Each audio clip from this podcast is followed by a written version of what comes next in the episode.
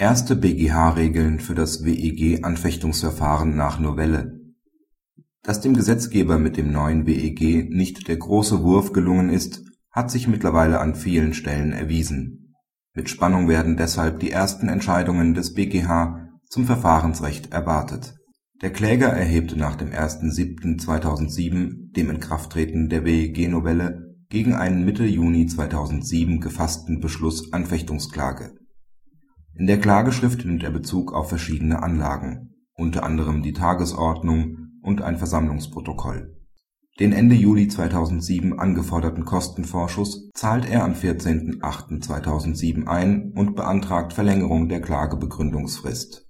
Dieser Antrag wird seitens des Amtsgerichts, obwohl in einem weiteren Schriftsatz von Ende August 2007 eine Begründung erfolgt, zurückgewiesen der Kläger führt daraufhin aus, dass bereits die Klageschrift eine Begründung enthält. Das Amtsgericht weist die Klage als unzulässig ab, ebenso den vorsorglich gestellten Wiedereinsetzungsantrag, was das Landgericht mit dem Hinweis bestätigt, es könne dahinstehen, ob die Klage wegen Fristversäumung unzulässig oder unbegründet sei. Dem folgt der BGH nicht. Es darf nicht offen gelassen werden, ob die Anfechtungsklage unzulässig oder unbegründet ist. Denn nach § 48 Absatz 4 WEG folgt aus einer Klageabweisung als unbegründet, dass das sonst mögliche Geltendmachen der Nichtigkeit des angefochtenen Beschlusses präjudiziert ist. Bei einer Abweisung der Klage als unzulässig bleibt diese Möglichkeit erhalten. Zudem kommt eine Abweisung der Klage als unzulässig nicht in Betracht, denn die Klagebegründungsfrist stellt keine besondere Sachurteilsvoraussetzung dar. Vielmehr handelt es sich um eine materielle Ausschlussfrist dies folgt bereits aus der Entscheidung des Gesetzgebers, dass er die Anwendung der Vorschriften über die Wiedereinsetzung in den vorherigen Stand in § 46 Absatz 1 Satz 3 WEG nur entsprechend angeordnet hat. Zudem hat sich der Gesetzgeber bei der Ausgestaltung des Anfechtungsverfahrens nach WEG an den aktienrechtlichen Vorgaben orientiert. Zwar wird dort eine Begründung nicht ausdrücklich innerhalb einer bestimmten Frist gefordert, es entspricht aber ständiger obergerichtlicher Auffassung dass eine Begründung innerhalb einer angemessenen Frist zumindest im Wesentlichen abgegeben werden muss, um nicht einen materiellen Ausschluss befürchten zu müssen. Die durch die Begründungsfrist bestehende Erleichterung soll damit im Zusammenhang mit der materiell-rechtlichen Anfechtungsfrist diese Rechtsfolgen abmildern, so dass für formale Aspekte kein Raum ist.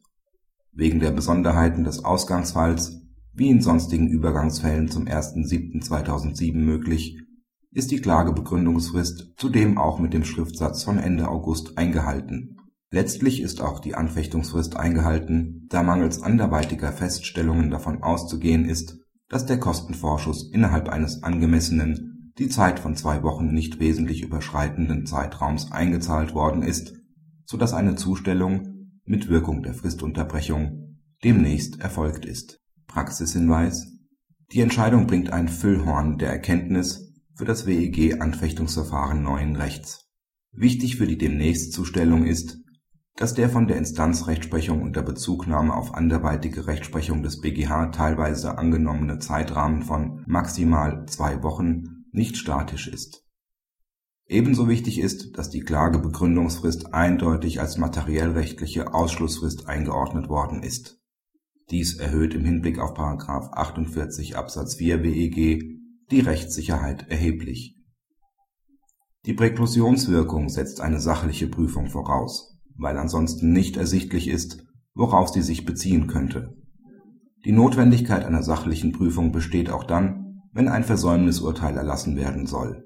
Die Regelung des § 48 Absatz 4 BEG muss daher einschränkend ausgelegt werden, dass sie nur bei einer durch das Gericht erfolgten Sachprüfung zum Tragen kommen kann von besonderer Bedeutung sind die nach Aufhebung und Zurückverweisung vom Senat gegebenen Segelanleitungen für das weitere Verfahren. Denn der BGH stellt insoweit ausdrücklich klar, dass ein Nachschieben von Anfechtungsgründen ausscheidet. Dies zwingt den Kläger, wie er weiterhin ausführt, dazu, den wesentlichen Lebenssachverhalt, auf den die Klage gestützt werden soll, bereits in der Klagebegründung vorzutragen. Die Verweisung auf Anlagen kann den notwendigen Sachvortrag nicht ersetzen ein Nachkarten als Ultima Ratio, wie dies in Wohnungseigentumsverfahren unter FGG vielfach geschah, scheidet damit in Zukunft aus